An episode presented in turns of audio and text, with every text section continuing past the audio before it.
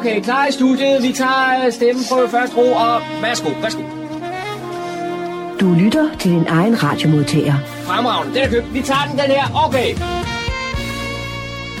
Goddag og rigtig hjertelig velkommen her til programmet, der hedder Morgenkrøden. Mit navn er Kurt Kammersgaard og har fornøjelsen her de næste to timer at bringe nogle lokale indslag, og så derudover så spille en forhåbentlig masse god musik. Vi skal lige kigge lidt på, hvad kan man sige, dansk spiseseddel, hvad det er, vi har med i dag. Det første indslag, vi har her i dag, øh, det drejer sig om, at øh, John Marco, han laver jo, øh, kan man sige, sådan en lydavis, der blandt andet kommer ud til, til blinde og øh, her i øh, vores øh, lokalområde. Og derfor var han selvfølgelig også naturligvis også med, da Dansk Blindesamfund her i Nordsjælland, de holdt generalforsamling nede i Hillerød her den 30. oktober. Og vi skal høre, at han lige fik en, en par snakker med, med formanden for kristen dernede øh, i forbindelse med denne generalforsamling.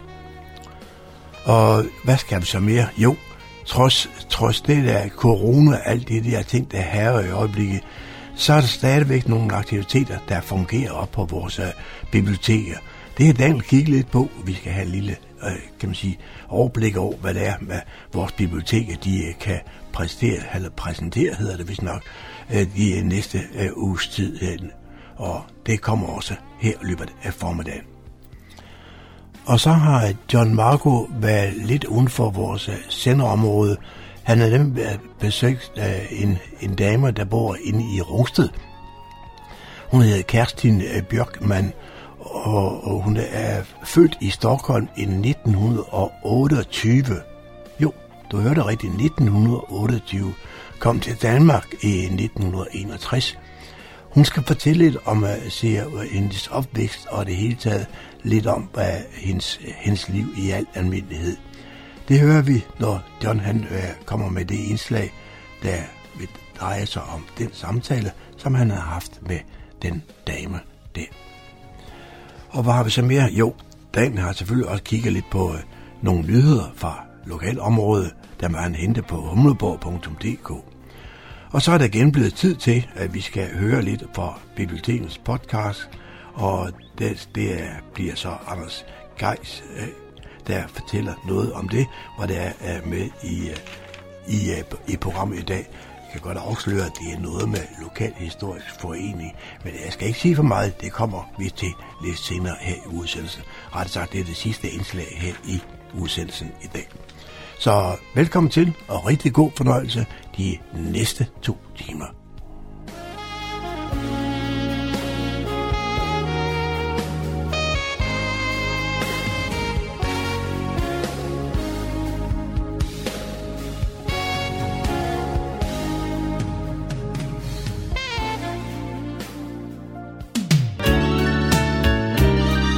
Lytter til Morgenkrydderen. I studiet er det Kurt Kammerskov.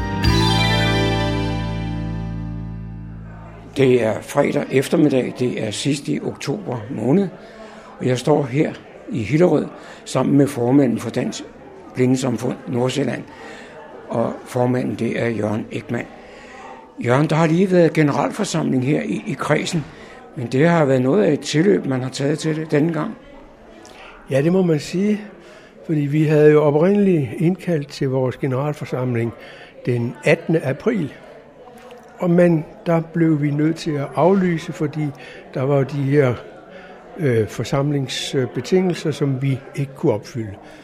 Så prøvede vi igen i september, men øh, ganske få dage før, så måtte vi igen aflyse. Nu har vi så øh, prøvet i dag her, og øh, vi... Øh, øh, har fundet en lokale, hvor vi var mere være øh, maks 30, øhm, og vi har altså været en 3-24 stykker, så øhm, vi har fået gennemført vores generalforsamling, og det er godt nok, fordi der var nogle formelle ting, der skulle på plads med godkendelse af beretning, godkendelse af regnskab og nogle valg. Og det er overstået. Det fremmøde, der var i dag til generalforsamlingen, er det tilfredsstillende, eller? Jeg må sige, under de givende omstændigheder, så er det sådan set pænt nok. Men, men altså, vi plejede jo at have et sted omkring 10-11 procent af medlemmerne, der kommer til en generalforsamling. I dag, der var der 4 procent. Så, men det er jo altså corona, der har givet os de betingelser. Stort og rigtig, rigtig godt velkommen hos os på Radio Humleborg. Din lokale radio på 104,3 på FM-bånd. Så er det tid til lidt uh, nyt fra Fredensborg-bibliotekerne, og selvom der er uh, coronatiltag i forskellige afskygninger, ja, så er bibliotekerne altså åbne. Jeg har ringet op til Carsten Andersen, og velkommen til, Carsten. Tak skal du have. Først og fremmest lige for at tage den her øh, coronasnak. I har begyndt at gå med øh, mundbind, og det mener jeg også, at øh, brugerne af bibliotekerne de skal have. Det er rigtigt, ja. Det er jo et øh, offentligt tilgængeligt sted, så ligesom butikker, så øh, gælder det altså, at øh, øh, alle skal have mundbind på, øh, eller visir. Og er der også noget med øh, det antal personer, der er på bibliotekerne, man skal tage, tage hensyn til? Altså det er det samme, som det hele tiden har været, siden øh, vi genåbnede i, i maj. Og det er ikke en grænse, vi sådan reelt støder på. Men, øh, men der er jo øh, i, i vores mødelokaler, der skal de foreninger, der låner dem, de skal jo tænke på, at de ikke skal være for mange til stede. Men øh, I gennemfører altså en øh, stribe øh, arrangementer i øjeblikket øh, på bibliotekerne som øh, normalt. Carsten Andersen, fortæl lidt om det arrangement, I har den 10. november med, øh, med ølsmagning. Ja, øh, det er et af vores øh, streaming-foredrag, som øh, øh, kører fra Aarhus Universitet. Denne gang handler det altså om øl og videnskaben bag øl. Så det, selvom der er smagsprøver, så er det ikke et ølsmagningsforedrag. Det er, det er simpelthen omkring videnskaben bag ølbrygning. Du fik nævnt, at, at der ville være smagsprøver. Hvad, hvad går det ud på? Jamen, altså, der bliver jo gennemgået forskellige typer øl, og det kan være meget godt lige at, at selv at smage, hvad det er, foredragsholderen taler om. Mm. Men ikke for at vurdere øllen, men for at kunne smage øh, den måde, den er fremstillet på. Så man ligesom kan, kan, kan selv kan smage det, han fortæller, at den smager af? Ja, om ja. den er bitter, eller, eller hvad den er. Mm. Og hvor foregår det henne? Det foregår på Niveau Bibliotek. Det foregår som særligt fra klokken øh, ja, 19 starter foredraget, men vi vil gerne have, at man kommer lidt før, så man er klar. Og øh, man skal vel også bestille billet i forvejen? Det skal man også, ja. Mm. Et af de andre arrangementer, I har på øh, bibliotekerne, det er øh, et genforeningsarrangement, som har været udskudt, men ja. øh, det må du lige fortælle lidt om, hvad, hvad det går ud på. Jamen det var jo, øh, her i foråret var det jo øh, 100 år siden, at øh, Sønderjylland blev genforenet med resten af Danmark. Og der var jo planlagt en masse festivitas, ikke bare hos os, men i hele landet. Og det meste af det måtte aflyses, og det måtte vores arrangement også. Men øh, nu prøver vi igen. Mm. Øh, så vi har to arrangementer, den 16. og 19. november, med nogle foredrag. Det starter øh, den, øh, som sagt den 16. november, hvor øh, Simon Kratholm kommer fortæller om tiden fra 1. verdenskrigs afslutning og frem til øh, genforeningen blev gennemført mm. med mhm. kongens rit over grænsen. Så et par dage senere, den 19. november, så har vi et foredrag med en forfatter, der hedder Ib Søby, som skrev en bog for nogle år siden, en roman om treårskrigen i 1849, som Danmark vandt, og som man måske ligesom kan sige var startskuddet til, til al balladen omkring grænsen. Det er en meget, meget fascinerende historie, hvordan Danmark vandt den første krig der, mm. som så førte til krigen i 1864, hvor vi mistede store områder i Jylland. Og det foredrag, der øh, afvikles på Niveau Bibliotek begge? I Søbø, det er på Fredensborg Bibliotek. Og det er et af de arrangementer, hvor man skal tilmelde sig, og der er lidt betaling på den? Ja, de koster begge 52 kroner, men 40 øh, kroner, hvis man er medlem af vores biblioteksklub. Og imellem de to arrangementer, vi netop har, har snakket om, så foregår der øh, et, et, et streamingforedrag på Humle Bibliotek den øh, 17. november. Hvad er det for et foredrag? Jamen det er endnu et videnskabeligt foredrag, og det er ingen ringere end øh, Eske Villerslev, som øh, fra Aarhus Universitet fortæller om øh, menneskets oprindelse og tilblivelsen af det moderne menneske. øh, hvad man kan læse ud af DNA. Øh, så det øh, bliver rigtig spændende. Det må man sige, for DNA-teknologien har jo virkelig øh, vundet øh, øh, fremskridt her de seneste mange år. Man kan bruge det til, til mange ting, ikke? Ja, man så. kan bruge det til virkelig mange ting. Ja. Og Eske Villerslev er en af verdens største eksperter inden for det. Ja. Carsten Andersen fra Fredensborg Bibliotekerne. Tak for den her information om, hvad I går og, øh, og sysler med mellem boghylderne. Det var så lidt. Du lytter til morgenkrydderen. Jeg er taget til Rungsted, hvor jeg har en aftale med Kerstin Bjørkman.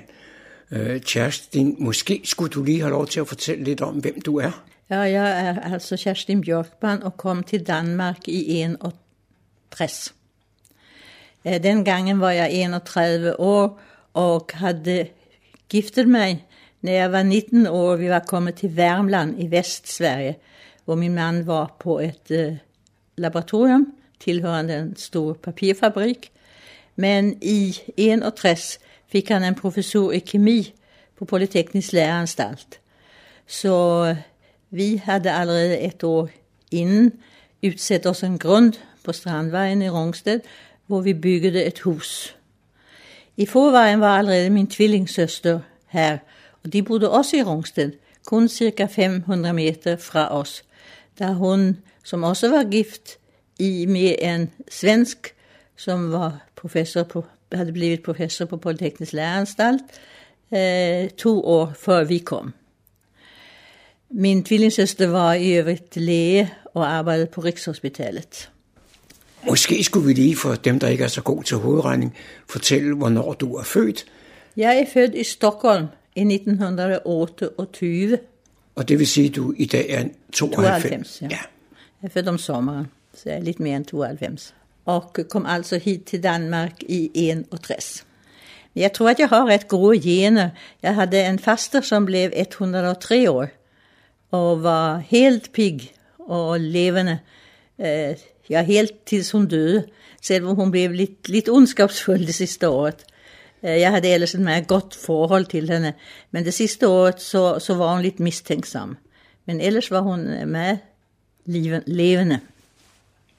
Du har netop fortalt lidt om, hvorfor I, I kom til Danmark, og lidt om din mands job.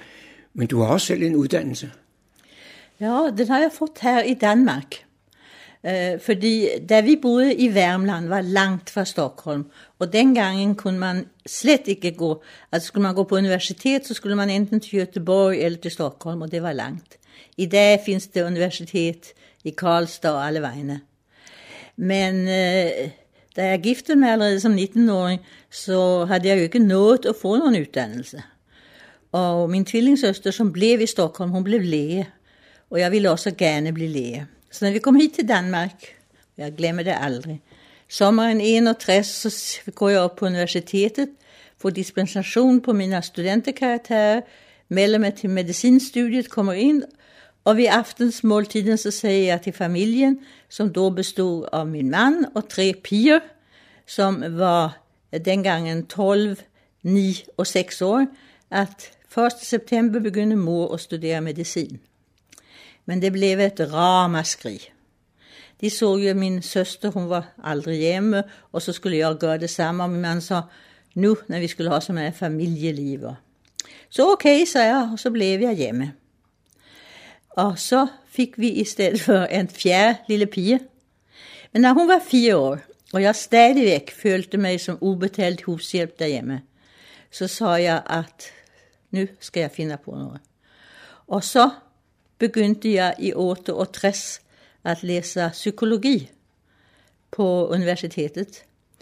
Og øh, jeg vidste, at det skulle blive en stilling som klinisk psykolog ved skolevæsenet i øh, Rungsted, i Hørsholm Rungsted, øh, i, no, øh, i øh, tre, nej, det var nok 1. februar 74.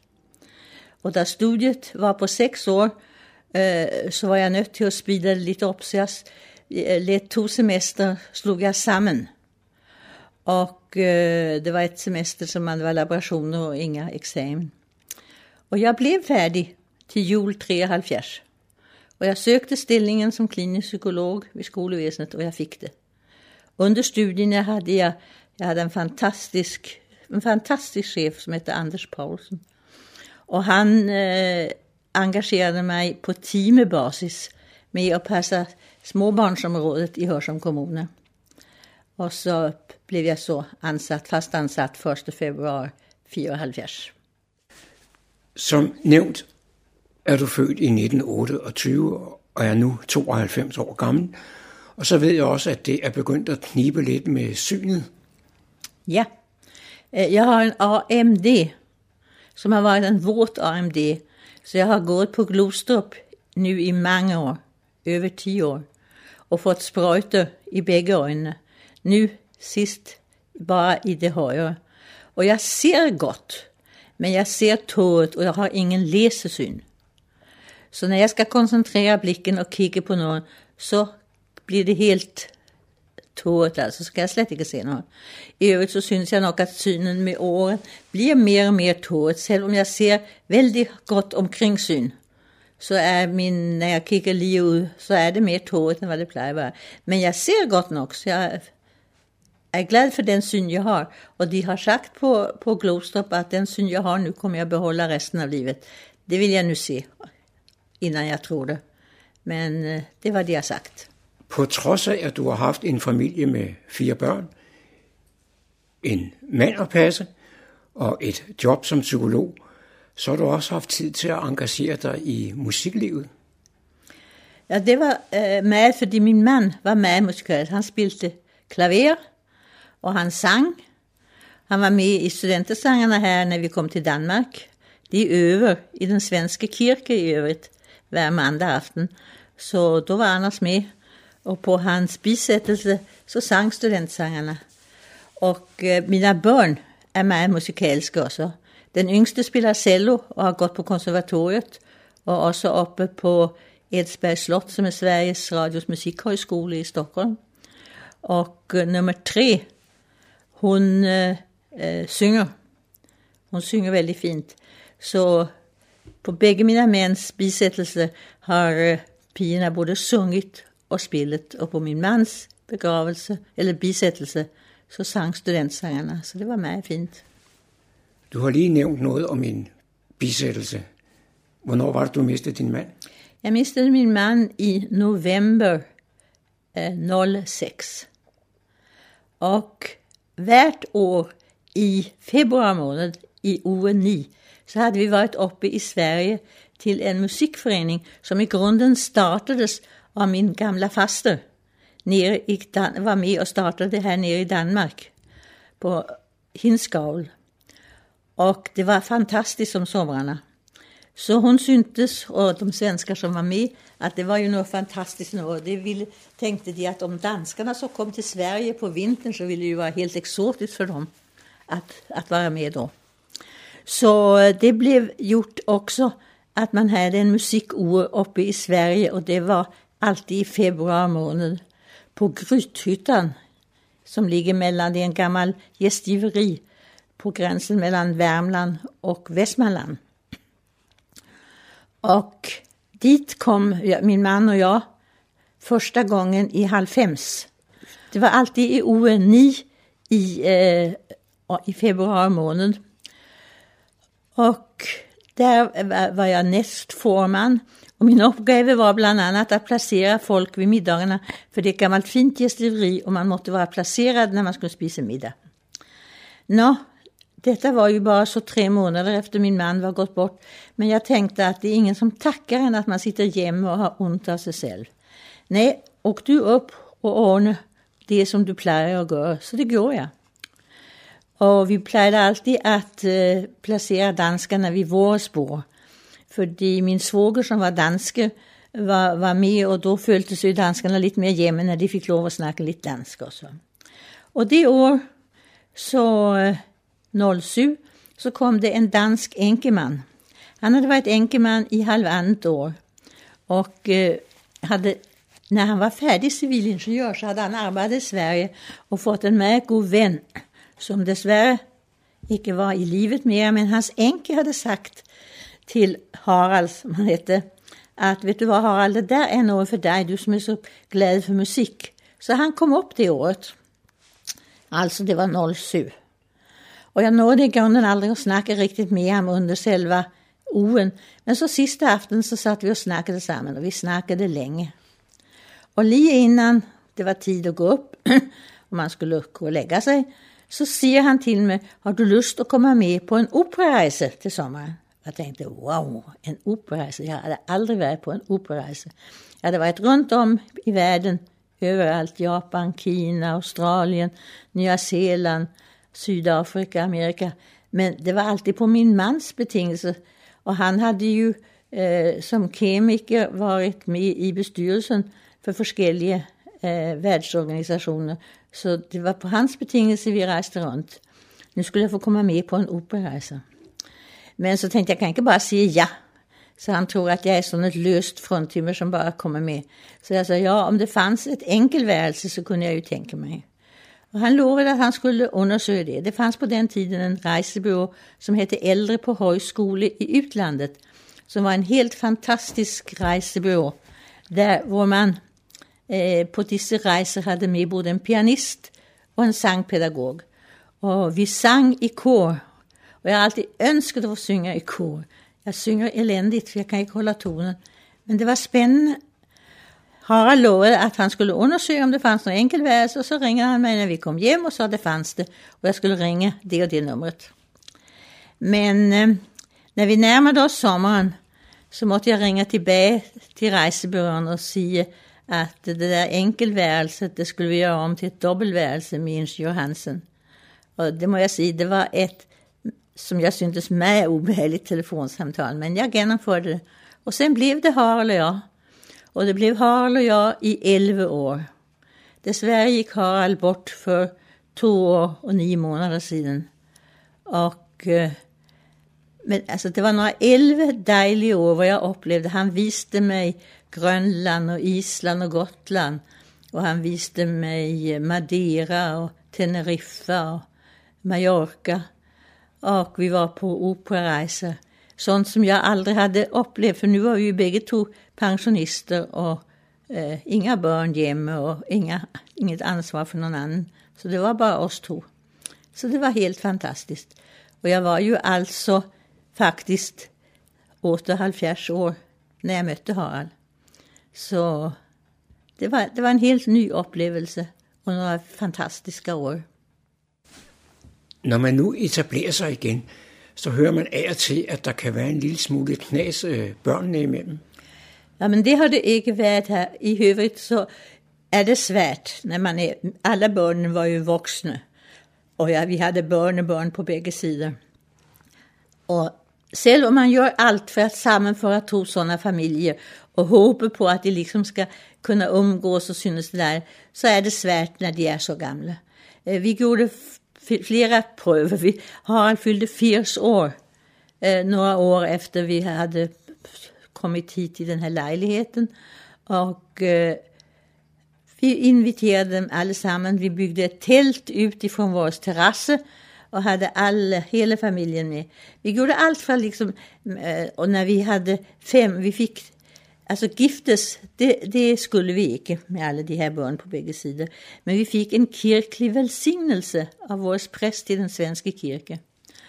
Og øh, det, altså, i vores alder, så synes jeg, skal man fejre alt det, man kan fejre. Så når vi havde femårsjubilæum på vores kirkelige velsignelse, så inviterede vi alle hans børn og børnebørn, og alle mine børn og børnebørn, og vi havde oven i købet nogle oldebørn på det tidspunktet, i, på, hit til Rungsted gård och hade en fest med overnatning. Men alligevel så blir det ju sån efter middagen at så sätter sig alle hans barn och barnebarn på ett håll och alle mina barn och børnebørn på ett annat håll. Det är väldigt svårt när man sammanför två familjer i den aldern att få dem liksom att smälta samman. Det är faktiskt, synes jag, umuligt. Du har flere gange nævnt den svenske kirke. Og inden vi startede optagelsen her, der fortæller du noget om, at man i den svenske kirke siden meget lang tid tilbage har haft en årlig julebazar. Ja, det, julebasaren startede første gang 1912 og har sen holdt på i alle år. inte har kunnat stoppa dem, inte to världskrig, men nu har corona stoppat det i år. Dronning Ingrid var protégé för eh, julbasaren i många, många år, intill hon gick bort. Då övertog prinsessan Benedikte det. Och jag har varit eh, forman i bestyrelsen för den svenska kyrkan och jag är stadigvæk aktiv i den svenska kyrkan. Så jag har varit med och tagit emot dronning Ingrid och prinsessan Benedikte många gånger. I övrigt så är det rätt morsamt. Sista gång som dronning Ingrid kom så var prästen och nede og och tog emot henne på gaden foran kyrkan och så tog vi henne under armen, man ska gå några trappsteg upp. Och så säger hon till mig, jag har så svårt att gå i trappor, speciellt nedför trapper.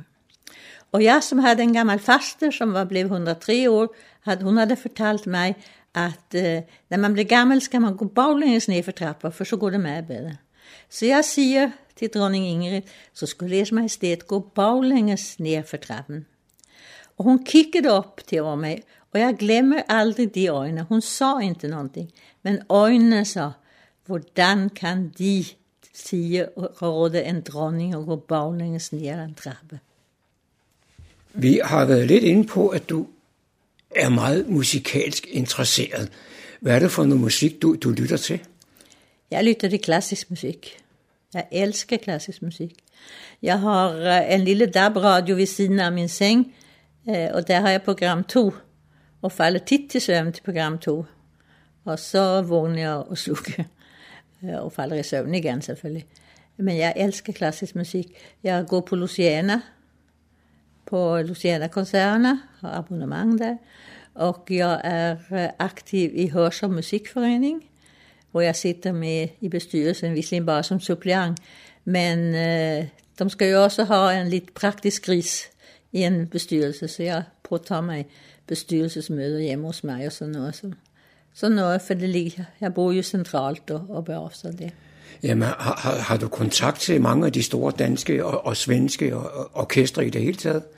Nej, det har jeg ikke. Jeg har haft kontakt til mange musikere, men ikke til orkestre, men til, til musikere. Øh, jeg har også haft øh, kontakt til et vidunderligt musiksted oppe i Värmland, som desværre nu ikke findes mere. Men øh, hvor min mand donerede sin nodesamling, som han havde arvet af sin far. Det var 66 meter noder. Masser med noder. Men de, de noderna står nu uppe på Operaakademin i Stockholm. Björkmanska nodesamlingen. Det er ret fantastisk. Det var John Marco, der havde produceret dette indslag. Så er det igen gået hen og blevet tid til lokale nyheder hentet fra humleborg.dk, oplæst og redigeret af Daniel Jørgensen. Fredensborg Kommune er gået i gang med en farttilpasning i landområderne, også kaldet Lokaltrafikområde 4. Anlægsarbejdet forventes at være færdigt i midten af november 2020. Der vil blive arbejdet forskellige steder i projektområdet, og man kan derfor opleve mindre vejlukninger og omkørsler, som vil blive skiltet lokalt. Fredensborg Kommune håber på forståelse for de midlertidige gener, som det kan medføre. Projektet udføres af Nordsjællands Park og Vej og omfatter ændringer af færdselstavler på Væksebrovej, Smedevej, Brøndshulevej, Højsagervej, Langerødvej og Toeltvej. Der etableres fartdæmpning med bump på Væksebrovej og Langerødvej. Ny udformning af T-kryds mellem Smedevej og Væksebrovej, rumleriller ved Toelt og Søholm by. Man kan se projektmaterialet på Fredensborg Kommunes hjemmeside. Forældrene i Fredensborg Kommune placerer kommunens folkeskoler på en flot fjerdeplads blandt alle landets 98 kommuner i en ny landsdækkende tilfredshedsundersøgelse. Den højeste score på Sjælland og en flot fjerdeplads i hele landet, sådan placerer Fredensborg Kommune sig i den nye undersøgelse. Det er et utroligt flot resultat. Så enkelt kan det siges, og jeg glæder mig især over, at det er forældrene selv, som har givet vores skoler så flotte karakterer, og alle vores syv skoler ligger på et højt og ensartet niveau, udtaler borgmester Thomas Lykke Petersen. Undersøgelsen omfatter også forældrenes tilfredshed med SFO'erne, og her ligger Fredensborg Kommune på en anden plads i Nordsjælland lige efter Hørsholm, og på en 27. plads på landsplan. Vi er glade for de fine placeringer, men det forpligter også. Vi vil nu politisk sammen med skolerne og deres bestyrelse dykke ned i undersøgelserne, så vi kan udvikle kvalitet og brugertilfredshed på både skoler og SFO yderligere i de kommende år, fortæller Per Frost Henriksen, der er formand for børne- og skoleudvalget.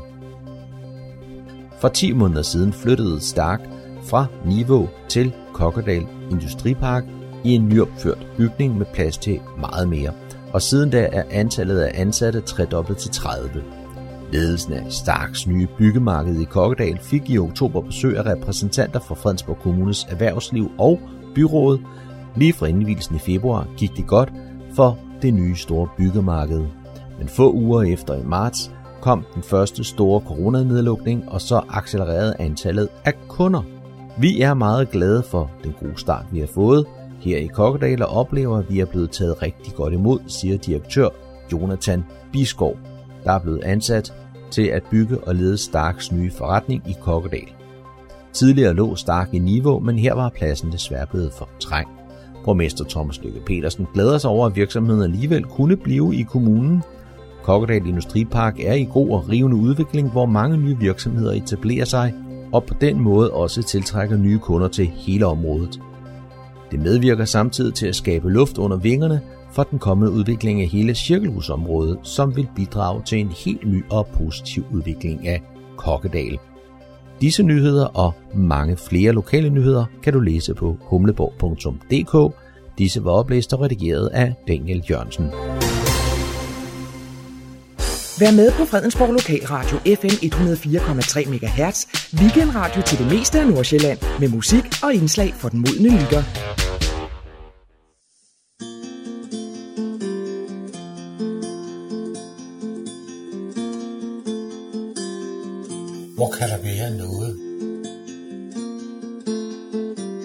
Hvor, hvor kan det have sat spor af? Det er jo sådan et eksempel på noget, hvor, hvor, hvor, altså, hvor jeg ikke kan lade lokalhistorien være, vel? Jeg må, jeg må vide, hvad det er, hvad der er gået forud, ikke? Vi står på skuldrene af noget og nogen. Vi er nutiden, og fortiden ligger bag os. Og vi lever med blikket rettet fremad mod vores mål, mod fremtiden. Måske er det karrieren, familien, drømmene om jordomrejser, tidlig tilbagetrækning og økonomisk frihed, der trækker i dig. Måske er det bare drømmen om noget mere og noget nyt. Og med al den skuen ind i krystalkuglen, kan vi nemt glemme, at vi kommer af noget. Vi kommer af et folk og et sted. Vi lever midt i historien, og hvis vi bare er en lille smule nysgerrige, så kan vi se og høre den folde sig ud rundt omkring os i et væld af fortællinger, billeder og vidnesbyrd. Det ved man i Fredensborg Humlebæk Lokalhistoriske Forening. Her arbejder foreningens medlemmer utrætteligt med at bringe historierne fra vores egen frem til dig igennem foredrag, udgivelser, udflugter og en hel masse andet. I det her afsnit af Bibliotekspodcasten er vi taget på besøg hos formanden for Lokalhistorisk Forening. Han hedder Peter Heiberg, og han bor i Fredensborg. Jeg har fået lov til at bænke Peter i hans arbejdsværelse mellem utallige stakke af bøger, som han bruger til sin research lige nu. Jeg var lige ude og holde foredrag på den dag. Ja omkring, øh, hvordan man fik vasket i gamle dage i Sørup og i øh, Nødebo også. Og ja. det var faktisk ret interessant. Der kan man sige, der er livsvilkårene omkring søen er jo ikke så forskellige. Øh, det er et, et eksempel på noget, hvor, hvor, hvor, lokal, hvor, altså, hvor jeg ikke kan lade lokalhistorien være, vel, jeg må, jeg må vide, hvad det er, hvad der er gået forud, ikke? Og, og, og det, det er ligesom, jeg ja, tager fat i hver gang, eller hvis jeg kommer på en arbejdsplads i øh, et andet ude på byen, jamen, så må jeg da også vide, hvordan det har øh, fungeret forud. Hvor finder du viden om det? Altså, hvor starter du henne? Det, som regel, så, så er det jo i, i øh, altså et trygte kilder, ikke? Og, og det var det da i hvert fald i, i, i Helsing. Der var en meget pæn lokalsamling, som stod lige ude på det øh, kontor, ja. Øh, så kunne man jo tage en, en bog med i toget hver dag, og på den måde fik jeg sådan ret hurtigt et vist kendskab til, til, til området ved at læse, ved at læse om det der. Og så kommer man ned i nogle, øh, i nogle emner, som interesserer mere end andre, altså forfatterne eller kunstnerne i sådan et område. Der vil jeg sige, der er sådan et område som Tisvil. Tibirke er jo et område, hvor der er og hvor utrolig mange malere tegner, mm. ligesom der gør her i Fredensborg, så det var ligesom en tangent, jeg røg ud af. Og når der så er gået et stykke tid, jamen, så løber jeg over med stok, så må jeg jo formidle det, eller er det ude, ude i verden, ikke? og så kommer, kommer der forskellige artikler, øh, både ja. enten her i Fredensborg, eller, eller øh, har der også efterfølgende skrevet en del op fra, ja, nu skal jeg del, men i hvert fald et par artikler om øh, at holde nogle foredrag op i øh, Tibirke. Hvad, hvad for en respons får du, når du holder de der foredrag?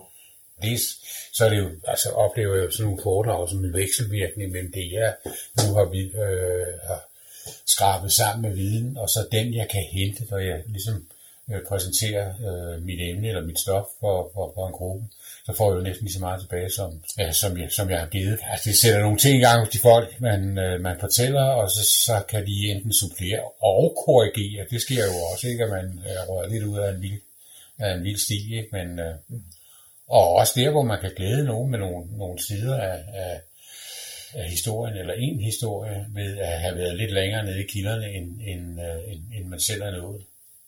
Altså, det har jeg jo sådan arbejdet med hele tiden, at, at når jeg sætter mig ind i et område, tager det gyldne overblik via det, der er præsteret hidtil, og så finder jeg nogle, nogle områder, som jeg synes er interessant. Ikke? Mm. Hvordan er sådan din, din øh, arbejdsproces, øh, når du sådan kaster dig over et område? Altså, er, er det sådan, at du finder et område, som ligesom fanger din interesse, og så dykker du bare fuldstændig ned i det i en periode? Ja, altså jeg skal have noget med området at gøre, og øh, øh, på en eller anden måde. Altså, jeg stammer fra, fra Lolland, Nakskov. Øh, det er sådan en, en, et område, jeg også dyrker i perioder. Jeg har skrevet en bog om blandt andet arkitektur dernede. Øh, og så har jeg sidenhen har vi købt sommerhus på Femø, hvor jeg ikke, øh, altså Femø og har været der, øh, da jeg boede dernede i sin tid, men øh, det kan jo ikke levere. Og der har jeg sådan et lille bogprojekt, øh, jeg er i gang med, med sammen med en øh, lederne af arkivet på, på Femø, at vi skal i øh, 2022, der udgiver vi en lille bog om øh, Akton Fris og hans besøg på Femø. Altså Akton Fris, det er ham, der har skrevet De Danske Søer. Mm. Og han aflægger øh, Femø besøg i øh, 1922, altså for 100 år siden og øh, fortæller øh, om, hvor, hvor, hvor, hvor sjovt det var at være der, øh, og de mennesker, han møder. Og hele vejen igennem det, han er ude og sejle i tre år og besøger alle danske småøer og større øer og laver den her tykke øh, egensbeskrivelse, øh, eller ja, egensbeskrivelse fra Danmark. Der er han så på Femø, men hele vejen igennem, der bærer han igennem, hvor, hvor hyggelig og rart han havde det på Femø. Så derfor synes vi, at det er, er, er spændende at uh, få, få bragt den op igen, og så suppleret den med nogle historier om præsten og skolelæreren og andre, som han møder, mm. møder på det her tidspunkt. det er bare et eksempel på, hvordan jeg arbejder, eller ikke kan lade tingene være, øh, når jeg først er blevet øh, mødt med det. Læser det.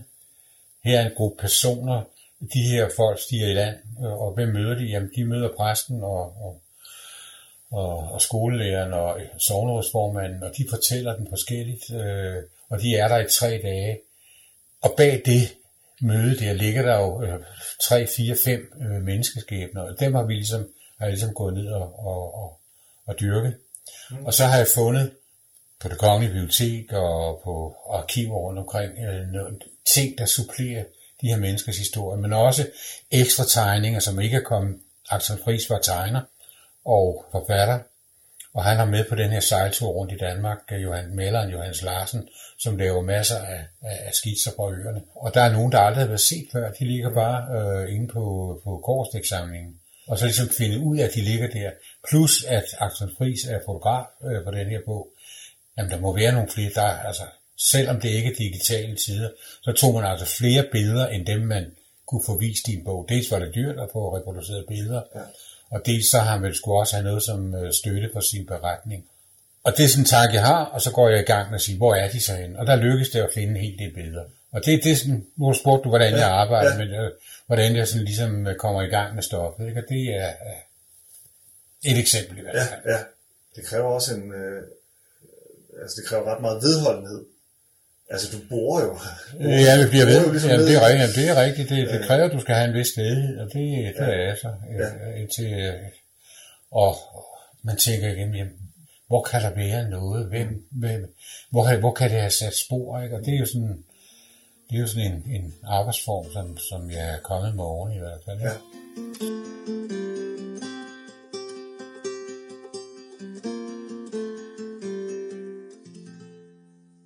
Hvordan kom du på sporet af det her øh, lokalhistoriske øh, arbejde? Hvor, hvor startede det for dig? Jamen det altid. Altså også som barn og ung øh, var jeg meget historisk interesseret. Øh, det hvor jeg stammer fra, der, der, der læste jeg, der var sådan nogle digre værker om øh, kyststadens øh, historie, og dem øh, tyrede jeg igennem som 12-årig. Og synes selv, jeg fik masser af vide, og kunne lide at gå i den her øh, gamle fæstningsby. Naksborg er en gammel fæstningsby, og ligesom finde de spor, der var efter øh, bastioner og voldgrave og sådan nogle ting. Ikke? Det synes jeg. Og midt i en have, en have stod der stadigvæk en enkelt kanon tilbage fra svenske krigene, ikke? og det synes jeg var tæske spændende. Ja. Og så kommer jeg jo så på øh, bliver uddannet som bibliotekar, og der laver jeg øh, som afslutningsopgave en øh, ikonografi.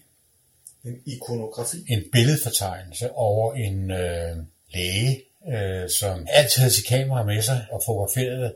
Specielt blev han meget optaget af arkitektur og, og bygninger. Og han tog så hele den her by og gennemfotograferede den i omkring 1930, og mange af billederne indgik i den her købstadshistorie, jeg nævnte før. Og så satte jeg mig ned fra, fra en ende af og sagde, de her billeder her, hvordan er de blevet brugt, og, og hvilke har aldrig været brugt. Mm. Man, man taler om bibliografier, når man registrerer bøger, men når det handler om billeder, så, så bliver det en ikonografi. Og mm. der, jeg tror ikke, der er andre end mig, der har lavet sådan en på biblioteksskolen i sin tid. øh, og det var jo relativt nemt, fordi der var ikke, der var ikke nogen, der havde, der var ikke tradition for det, så det, det gav der bonus i hvert fald der på eksamenspapiret. Øh, og så interesserede det mig. Og så lave, altså gå ind og lave en billedbeskrivelse, kortfattet billedbeskrivelse, hvad er der på det her billede, hvilke personer er der, hvilke skibe ligger der i havnen, øh, fra hvilken vinkel er det taget og sådan noget. Det er sådan noget, øh, jeg arbejder med. Og mens jeg læste, der arbejder jeg som studentermedhjælper i øh, Danmarks Radios mm. historiske filmarkiver. Og arbejdede med filmregistrering, altså sad og så masser af film. Altså, og specielt de her ugejournaler, man havde i 20'erne, eller 30'erne, 30'erne, 40'erne, sad jeg og var med til at beskrive. Og det kræver også altså stedighed, man kører frem, man kører tilbage, man identificerer, man skriver ned osv. Så, så, så, så den arbejdsproces var jeg ligesom kendt med, da jeg gik til den der opgave, jeg ville aflevere på biblioteksskolen. Så det var ligesom en, ja, en, en, en forlængelse af det arbejde, jeg havde på stedet mm. øh, i, i de år. Og det var der ikke ret mange andre, der havde arbejdet med. Jeg slutter som med, i Danmarks Radio der, og på det tidspunkt var det ikke noget problemer på arbejde, så tænkte jeg, jeg skal da prøve noget andet. Så så jeg tilbage, hvor jeg kom fra netop Langsborg og var arbejde på biblioteket. Der fik jeg det lokale historiske arkiv med, som en del af mit ansvarsområde. Og det var, hang jo også sammen med, at jeg havde lavet en, en gennemregistrering af det der billedmateriale. Og så kommer jeg på kursus på Danmarks Biblioteksskole i foråret 73, tror jeg. Og der møder jeg en øh, meget interessant mand, som jeg sådan bliver meget, synes, meget, meget spændende og, og tale med omkring lokalhistorisk arbejde. Det er overbibliotekaren fra Fredensborg af Stursø. Og så på et eller andet tidspunkt, så er job ledet, så tænker jeg, ja, det, der, der kunne jeg da godt tænke mig, der, er, der dyrker man sådan noget som lokalhistorisk arbejde seriøst, og, og Tursø havde været i gang et stykke tid. Jamen, så kommer jeg til Fredensborg i, i 73, og er ved siden af det, fordi det her, altså, det har jeg også været, jeg var ledende børnebibliotekar. Altså, jeg startede faktisk i, øh, i, i kommunen som børnebibliotekar. Øh, fordi øh, jeg havde børn, og jeg var, altså, jeg var også interesseret i, i børnelitteratur. Øh, jeg har en, ikke så meget med lokalhistorien at gøre, men jeg er dog, kan dog kigge ind øh, i, i de lokaler, der var, øh, hvor der var lokalhistoriske arkiver, og har et tæt samarbejde med øh, den daværende øh, leder af arkivet. Hun hedder Else Sørensen, en tidligere lærer, øh, lærer på Fredensborg Skole, som øh, i sin pensionistår der indlærte der også utrolig meget af omkring lokalhistorisk arbejde, men også indgange til, til, til emner og til folk her i kommunen, som gjorde, at jeg kunne ja, komme ud af den tangent her mm. også. Det var så ligesom starten på det, øh, kan man sige, ikke? Og, og så har der hele tiden været sådan lidt, øh, altså sådan lidt spin-off i, for, øh, i form af artikler og andet undervejs, ikke? Og så er det kommet til Helsinge, ikke? Ja, så kom du til Helsinge som kulturchef, men, øh, men du har også været i København. Ja, altså, da jeg så havde været i en 6-7 år i Helsinge, synes jeg var så dygtig, at jeg kunne alt muligt andet, så nu skulle jeg, nu skulle jeg jo virkelig prøve, prøve ting af, og så tænkte jeg, hvad, hvad, hvad, hvad kan være mindre end det største bibliotek i Danmark? Folkebiblioteket. Det var så Københavns Bibliotek. Det holdt jeg til i to år, så tænkte jeg, det her, det, det var ikke lige mig. Så sagde jobbet op, uden egentlig at have noget andet. Altså, jeg har arbejdet meget med omkring øh, omstillingen af, af biblioteker fra, altså fra, fra det traditionelle kortkatalog til øh, altså digitalisering og, og alt det der. Og har også været meget optaget af, hvordan man øh, transformerede forskellige emner fra, fra, fra fast form øh, til, til øh, digital. Øh, og igen billede og billedregistrering. Øh, så, så, så der lå for mig, hvad skal man sige, et område, jeg godt ville gøre mere ved, men øh, dermed ikke sagt, at man kunne på job, så skulle jeg jo finde noget andet at lave, jeg ville ikke være på, på understøttelse. Jeg siger, der, der var altid arbejde nok til, at der blev bestille noget, som man sagde, kendt eller Niels Havsgaard synger. Så jeg tog en avisjob, og var det, der hed Flyver. Altså man ringede ind til bladkompaniet om morgenen og spurgte, hvor er der, hvor er der avisbud, der ikke er mødt, og så kunne jeg så møde fra Hornbæk til øh, Greve og dele aviser ud. Og så undervejs fandt jeg ud af, at øh, ja, jeg søgte forskellige jobs, og, og, altså, og så søgte jeg i Bank Danmark, hvor, hvor, hvor jeg ligesom kunne se, at det var nok det, der matchede mig bedst, øh, for ligesom at lave det skift, jeg gerne ville. Øh, og det var så med ansvar for øh, at øh, digitalisere de tekniske og, og sagsarkiverne i Bank Danmark. Man har, jo, man har jo alle mulige type dokumentation, når man skal ud og lave et læg spor, så har man typer på, hvordan man gør det ene og det andet. Og få det lagt på plads, øh, elektronisk, det var det, jeg arbejdede med. Og så tror jeg nok, jeg trængte til at forlade biblioteksvæsenet lidt. Ikke? Biblioteksverdenen er jo, jeg ved ikke om den er det stadigvæk, men øh, var meget præget af at være en kvindelig arbejdsplads. Og så kom jeg ellers til en arbejdsplads, der var præget af mænd. Det, øh, det var et kulturskift, fordi jeg kommer til en gruppe, øh, altså i, jeg skulle have alle faglige specialer repræsenteret i den gruppe, jeg var. Jeg blev leder af, og det var så, der var elektrikere, der var smede, der var, øh, der var også akademikere, øh, der var en historiker også, men, men, men der var folk med decideret håndværksmæssig baggrund, øh, som ligesom vidste, hvad, når det blev talt spor, så var det smede folk, der var vant til at arbejde med jern. Øh, der var også ingeniører, ikke? Ja. Men, men, men der var også folk, som øh, havde en håndværksmæssig baggrund, og, og elektrikerne også, ikke? Det var sket. Men så sker der det sædvanlige, at når man er sådan et sted, så ryger man over i endnu mere administration. Undervejs så fik jeg ansvar for bygninger og bilparker og andre ting, og det var da også meget sket. Men, ja. øh, så vendte jeg tilbage de sidste par år, der var jeg, der var, jeg, var det ren rekordsmanagement. Ja. Øh, da jeg blev 65, der, der skulle man starte en ny arkivperiode, og så tænkte, det gider jeg ikke. Nu, nu, nu stopper vi, og så holdt jeg op som 65-årig, og øh, ja. ja. Øh, og så skulle tiden jo gå med noget, og øh, begyndte jeg så vendte jeg tilbage til Lokalhistorisk øh, Forening, og ligesom slå en sløjf på det, og øh, kom med i bestyrelsen der, og, og øh, på det tidspunkt var jeg blandt de yngste, og der, da der så skulle vælges ny formand på et tidspunkt, næstformand, så var det på mange måder oplagt, at jeg ligesom gik ind i det arbejde ja. der også. Øh, og så har jeg, jeg har været formand i de sidste 3-4 år.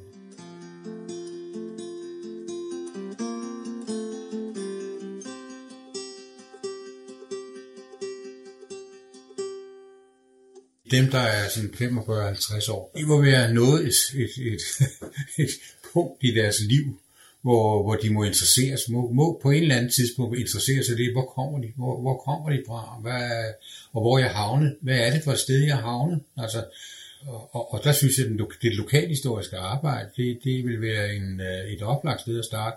Man kan også, hvis man har en, en, en historisk ejendom, melde sig ind i den der bygningsbevaringsforening, der er her i, i øh, kommunen, Øh, det var også et sted, man kunne gå ind, fordi der har man via sit hus, et, hvis det er et ældre hus, øh, en, en tilgang til, til historien. Det er oplagt for eksempel at melde sig ind i sådan en forening. Der, der er flere, også noget som bare Dansk Vandrelab, synes jeg også er en oplagt forening, hvor man kan, øh, der har man jo tit vandreture, som, som går i, i historiske miljøer, mm. så, så der er også Dansk Naturfredningsforening er også en oplagt forening, og det er sådan nogle foreninger, vi også samarbejder med. Ikke?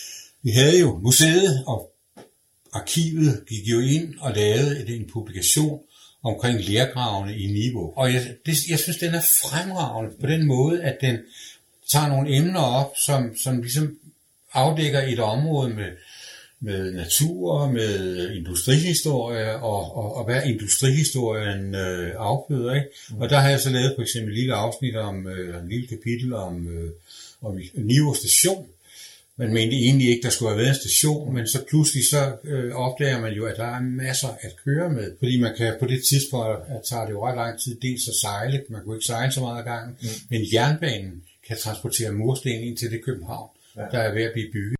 Så den der, den der lille hæfte, og det er museet, øh, altså øh, Nordsjællands Museum, mm. der har stået for den, men i et tæt samarbejde med de foreninger, jeg nævnte før, øh, der er Naturfredningsforeningen osv., osv., de alle sammen øh, spiller sammen, og det arrangement, biblioteket så laver nede på, på niveau, det er vil frem, hvor man inviterede de her foreninger til at holde et lille foredrag om hver sit delemne. Det var fremragende. Ja hvis jeg skulle anbefale bibliotekerne at gøre noget, ja. det var at lave mere samme slags, gerne straks.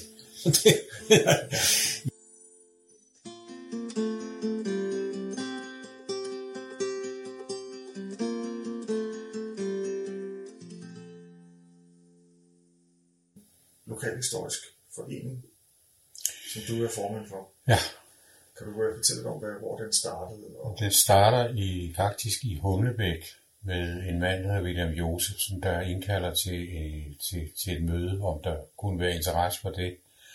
Og det viser sig, at det er der øh, fra start af, og det er faktisk øh, 40 år siden en gang til næste år, at foreningen starter. Og den kommer så ret hurtigt ind i et tæt samarbejde med biblioteket, med den gamle overbibliotekar Ernst Tursø, øh, og øh, har stort set fungeret øh, i samspil med Lokalhistorisk Arkiv, biblioteket, øh, i alle de her år. Hvad hedder William Josefsen øh, er ikke formand så mange år. Han dør ret tidligt, måske efter 4-5 år. Okay. Og så bliver øh, en skolebibliotekar øh, formand, og det er Ben Skov Larsen, som jeg også har været sammen med i mange år. Altså jeg er medlem fra stort set fra starten af også, og så flytter jeg, skifter jeg job til øh, Helsinge, øh, efter at have været, tror jeg, 17 år i, i øh, Fredensborg. Og på det tidspunkt, så kan jeg ikke lade være med, at øh, når jeg kommer til et nyt sted hen, så kaster jeg mig over, hvad skal man sige, det områdes øh, lokalhistorie, og, og hvordan øh, tingene har foregået der, og, og, og der synes jeg, at Helsinge er utrolig spændende. Overvejet, som også at flytte op, eller vi overvejede at flytte op, men da så kom til stykket, af vores børn sagde, så, så forblev vi her. Og det var på et tidspunkt, hvor man, når man blev ansat i en kommune og skulle være leder af, af en, et, et område, så så man gerne folk flytte op. Så mm. det var ikke lige, men øh, hvad fanden. Stamfonden blev der ophævet for, jeg ved ikke, snart 300 år. men ikke helt sikkert. Nej.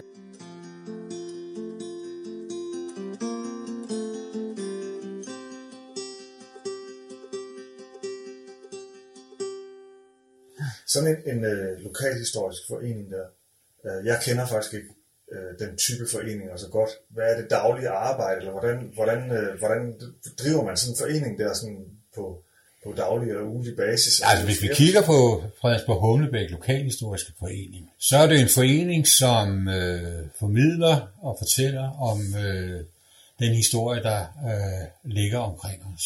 Og det gør vi via foredrag, ekskursioner, udflugter, og ved publikationsvirksomhed. Og hvis du tager øh, publikationsvirksomhed eller bogudgivelser, så fylder det faktisk ret meget. Der er masser af stoffer at øse af, og øh, vi har jo lavet, jo ved du kender vores, vores bøger. Der er en, der er rigtig meget populær, den der hedder Blejerier og Vaskerier, den kom sidste år, og det er et af vores, en af bestyrelsesmedlemmerne, som bor i Sørup, som øh, har interesseret sig for det her område og skrevet en synes jeg, fremragende bog om vaskerierne i Søger. Øh, ja, i år har vi jo så haft en virkelig en succes. Det er ikke sket før. Vi har haft en bog med fotos fra Humlebæk. Det har vi ikke prøvet før, sådan set, at, øh, at vi må lave genoptryk af en overbog. Og det skete ret hurtigt. Jeg tror, at vi var heldige med ligesom, dels med, at billederne rammer en, en hel generation af relativt yngre folk og som kender de forretninger på, på Strandvejen. Mm.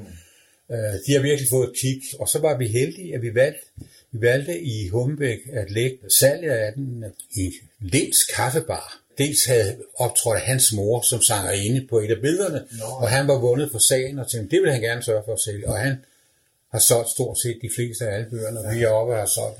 Vi fik trykt uh, 1000 eksemplarer, og uh, han har måske solgt de 600-700 af dem. Ikke? Ja. Det er vi jo rigtig godt tilfreds med, også at, uh, at uh, den er gået så godt. Det og det peger frem mod nemlig, at vi har et stort projekt i uh, 2022. Der bliver Fredensborg Slot, fylder jo 300 år. Og der vil vi uh, udgive en guide til Slotshaven.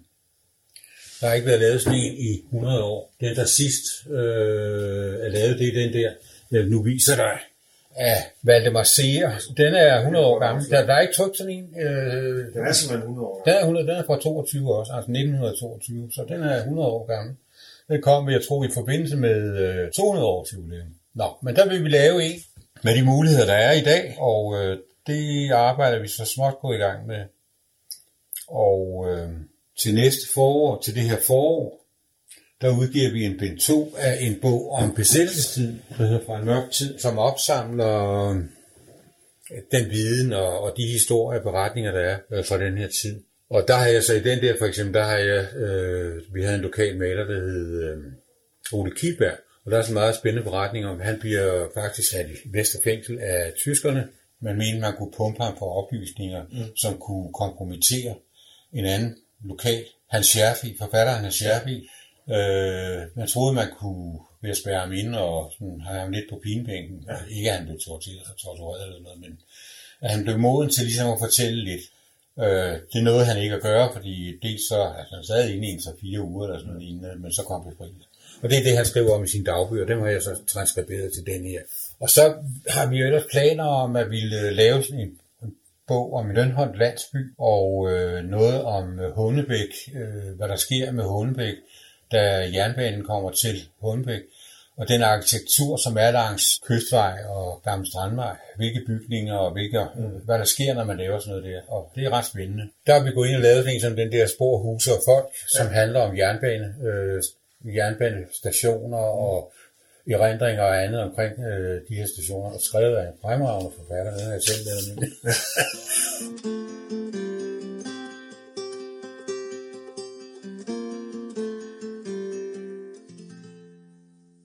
Øhm, vi har jo slet ikke snakket om, at du faktisk også laver noget for Trop Danmark.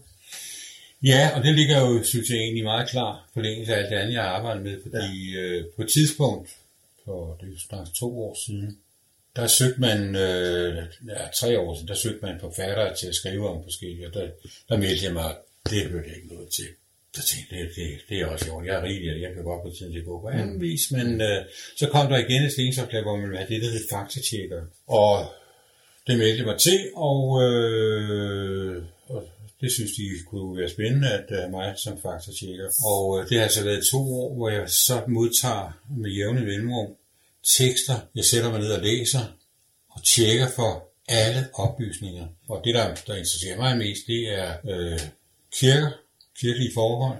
Det er den lokal historisk politiske historie fra 1850 til, til 2007. Det er arkitektur, og du hører det, jeg gentager mig selv lidt her, men det er de her emner, jeg ellers arbejder med. På øjeblikket er jeg i Sønderjylland, jeg er i Åbenrå, Mm. men det, der så sker, når du går ind og, og, og arbejder med sådan noget som det her, så kommer du ud på den helt store Danmarksrejse, og det synes jeg har været tæskespændende. At øh, få lov til at ja, være i et område og belaste sit lokale folkebibliotek. at rekvirere et sted mellem 20 og 30 bøger. Du kan se henne på min øh, briks der, der ligger øh, diverse bøger, øh, som jeg bruger i, i øh, arbejdet. Og, men øh, her, der kan du se, at jeg er i gang med Tønder og Åben Rå. Det er jo sådan den klassiske gamle bibliotekaruddannelse, som jeg har, ja. at der havde man noget, der hed håndbogskendskab. Dengang, da man skulle være bibliotekar, så skulle man kunne sin Danmarks større gårde og skove, og, og det er simpelthen, det er min basale grundviden, jeg trækker på i det arbejde der. Det sad simpelthen på rygmarven, ja. altså at øh, det er det, man, man, man skal bruge. Og det har jo så også lettet mig i min anden historiske arbejde, at have de der, hende de der trygte kilder, ikke? Øh, og sådan en gammel bog, som vi jo kun har et eksemplar tilbage af, den hedder Dan, De Danske Kirker. Øh, fremragende bog, bogværk Nå, men det er bare for at sige, at øh, det kan man jo også bruge sit bibliotek til. Ja, ja. At, øh, at hvis man er slægtsforsker eller bare historisk interesseret i områder uden for der, hvor man lige bor, øh, så kan man sgu da meget glæde af at gå på, på biblioteket. Og hvad man ikke har, det skaffer man jo. Ja. Jeg har jo haft mange meninger om, hvad I gjorde ved biblioteket øh, med hensyn til udsending af bogbestanden. Men én ting har jeg glædet mig ved. Det er de lyseblå blå bind derhenne, der hedder ja. Nedergaards Sovne og Præstehistorie. Den har I ikke fået smidt ud. Og det er jeg meget taknemmelig for, fordi det er et øh, hoved i egen beskrivelse set fra, kir, fra en kirkelig vinkel. Og, øh, og en, en fantastisk kilde til slægtshistorie også. Ja. Altså, lov mig ikke at smide den ud. Den, vi lover i hvert fald, at hvis, hvis den skal kasseres, så kontakter vi dig. det må I meget gerne gøre.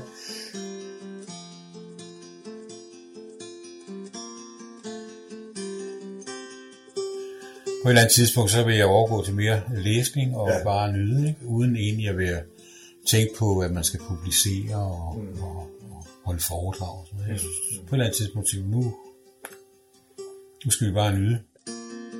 Og hvis du også vil nyde frugterne af det arbejde, Peter og alle de andre i Fredensborg Humlebæk Lokalhistoriske Forening laver, så find dem på fredensborg-humlebæk-lokalhistorisk.dk. På biblioteket har vi selvfølgelig deres udgivelser stående, både deres bøger og deres medlemsblad Broen. Så kom forbi og lån dit eget eksemplar med hjem. Du kan også kigge forbi fredbib.dk-podcast og finde det her afsnit frem, som du lige har hørt. På den samme side har vi lagt en lille litteraturliste, hvor du kan finde lokalhistoriske bøger til enhver smag. Du har lyttet til Bibliotekspodcasten, som er produceret af Fredensborg Bibliotekerne og Radio Humleborg i fællesskab. Jeg hedder Anders Greis. Tak fordi du lyttede med.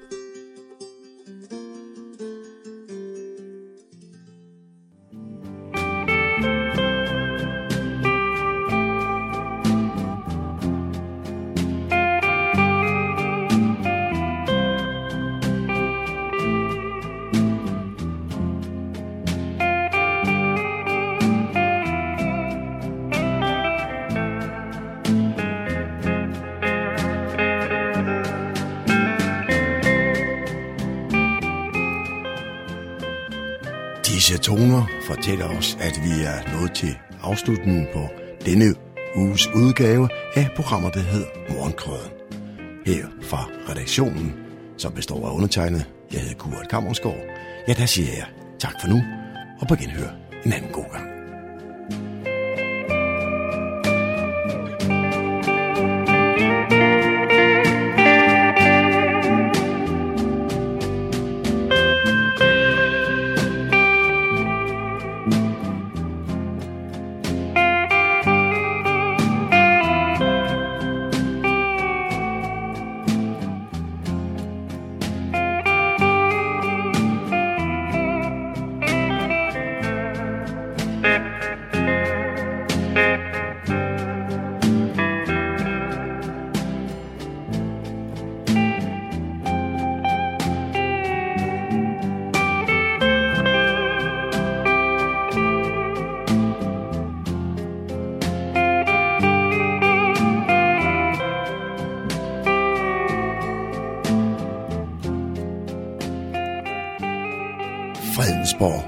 Radio, Radio Humleborg, Nordsjællands mest voksne lokalradio.